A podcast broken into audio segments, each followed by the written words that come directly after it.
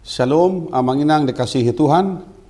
Kita akan mendengarkan firman Tuhan yang menyapa kita hari ini yang tertulis dalam kitab Yohanes pasal 14 ayat yang pertama yang berbunyi demikian. Janganlah gelisah hatimu, percayalah kepada Allah, percayalah juga kepadaku. Janganlah gelisah hatimu, percayalah kepada Allah, percayalah juga kepadaku. Demikian firman Tuhan. Saudaraku dikasihi Tuhan Yesus Kristus. Sebelum kalimat ini, Yesus menyampaikan bahwa anak manusia akan mengalami penderitaan.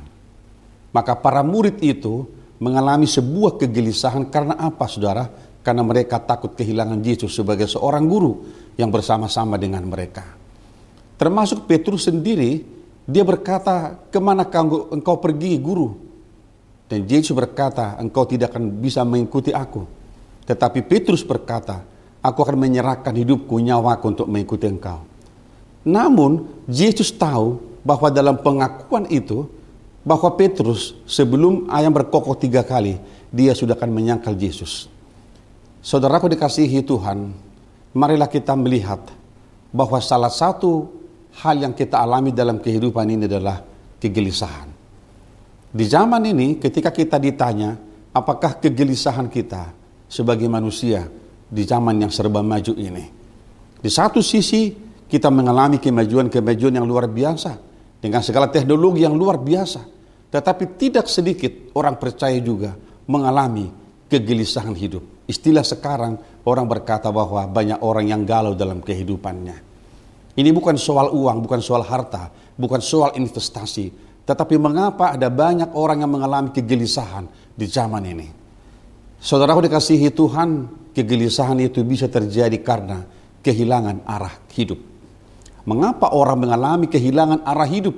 Karena dunia ini lebih mendominasi kehidupannya daripada keyakinan kepada Tuhan sendiri. Saudaraku dikasihi Tuhan, jangan biarkan pernah hidup kita ini jauh daripada anugerah Tuhan. Sebab kita harus mengaku bahwa hidup kita dan apa yang ada di dalamnya adalah anugerah Allah yang luar biasa.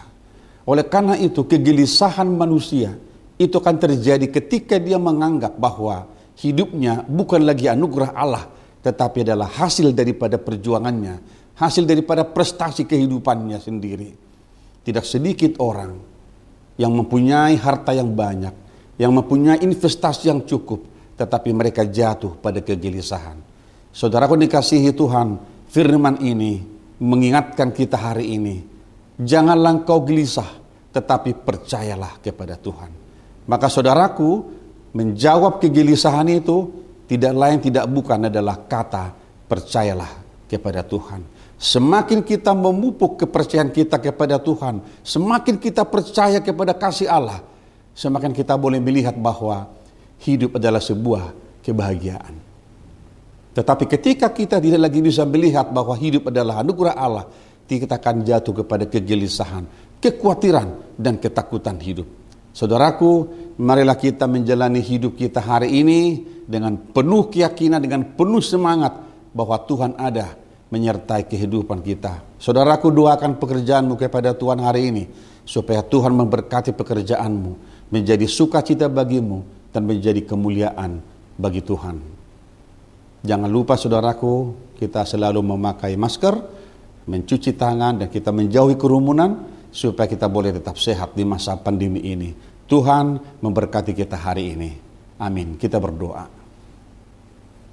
Bapak yang baik, tuntunlah hidup kami supaya kami boleh mengalami hidup yang tenang, yang nyaman, yang penuh pengharapan, hanya di dalam kasih-Mu saja. Berkati kami hari ini melakukan segala pekerjaan kami di dalam keyakinan bahwa Tuhan ada bersama-sama dengan kami. Kami berdoa di dalam nama Tuhan Yesus Kristus Tuhan kami.